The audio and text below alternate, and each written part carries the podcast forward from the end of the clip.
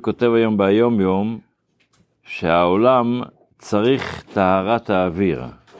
צריך לטהר את האוויר, יש באוויר הרבה pollution מה שנקרא בימים שלנו, אבל בעצם זה לא רק ברוך, בגשמי, אלא גם יש אוויר רוחני. טהרת האוויר היא רק על ידי אותיות התורה. מה מטהר את האוויר זה אותיות התורה.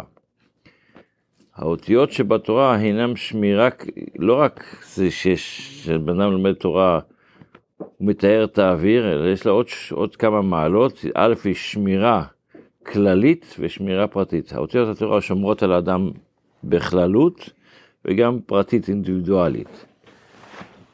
אחרי זה רבי ממשיך, חלוקת הש"ס, הסדרה של סדרי משנה,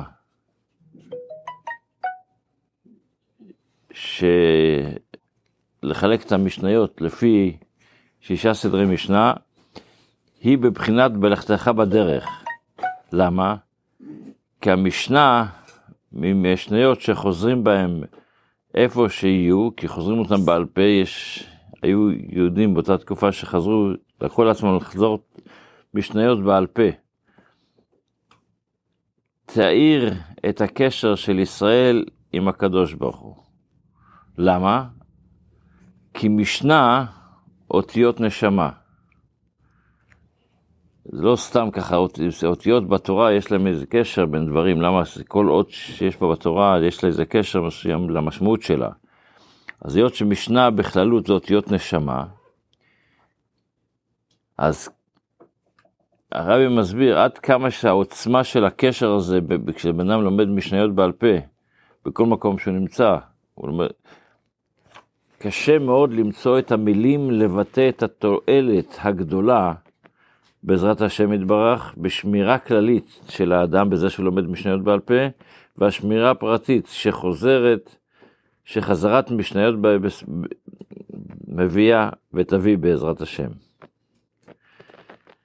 ועוד יותר חסרים המילים לתאר את הנחת רוח הגדולה שתהיה לבורא עולם, מזה שיהודים עושים את הדבר הזה, מתארים את העולם דרך אותיות התורה.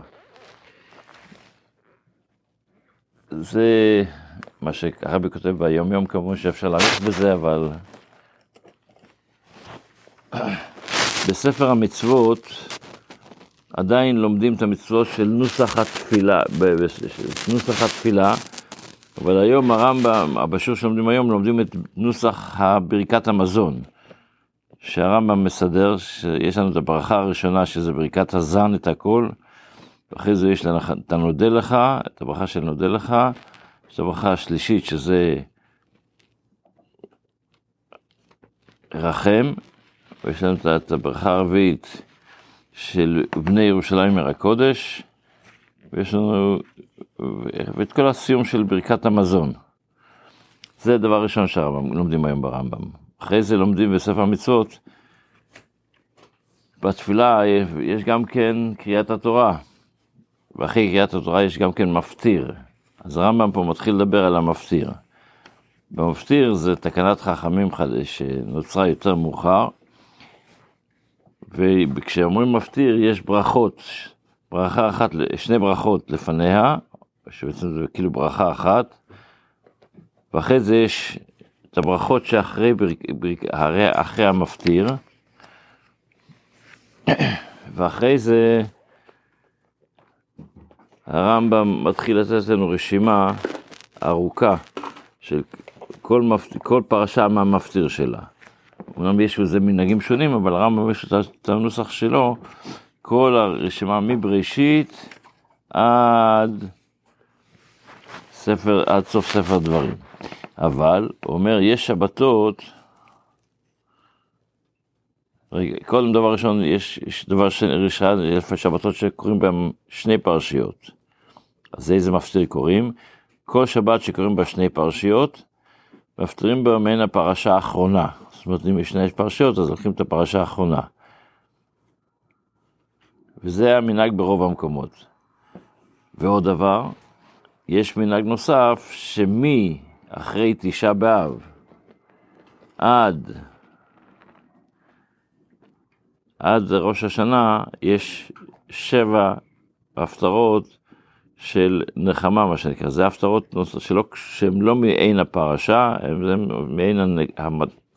הימים שנמצאים בהם. הוא נותן את הרשימה. בשבת שאחרי תשעה באב קוראים לחמו לחמו, בשבת השנייה ותאמר ציון, בשבת השלישית ענייה סערה, ברביעית אנוכי אנוכי הוא מנחמכם, בחמישית קומו יורי, בשישית רוני הכרה, בשביעית סוס עסיס. ובזה בעצם מסתיים הלימוד של נוסח התפילה. אחרי זה לומדים היום גם כן עוד את המצווה קנ"ד, שזה הציווי שנצווינו לשבות בשבת. וזה מה שכתוב, ביום השביעי תשבות. אבל המצווה הזה כבר נכפל הציווי במצווה זו כמה פעמים. יש בתורה 27 או 28 פעמים הציווי הזה של לשמור בשבת.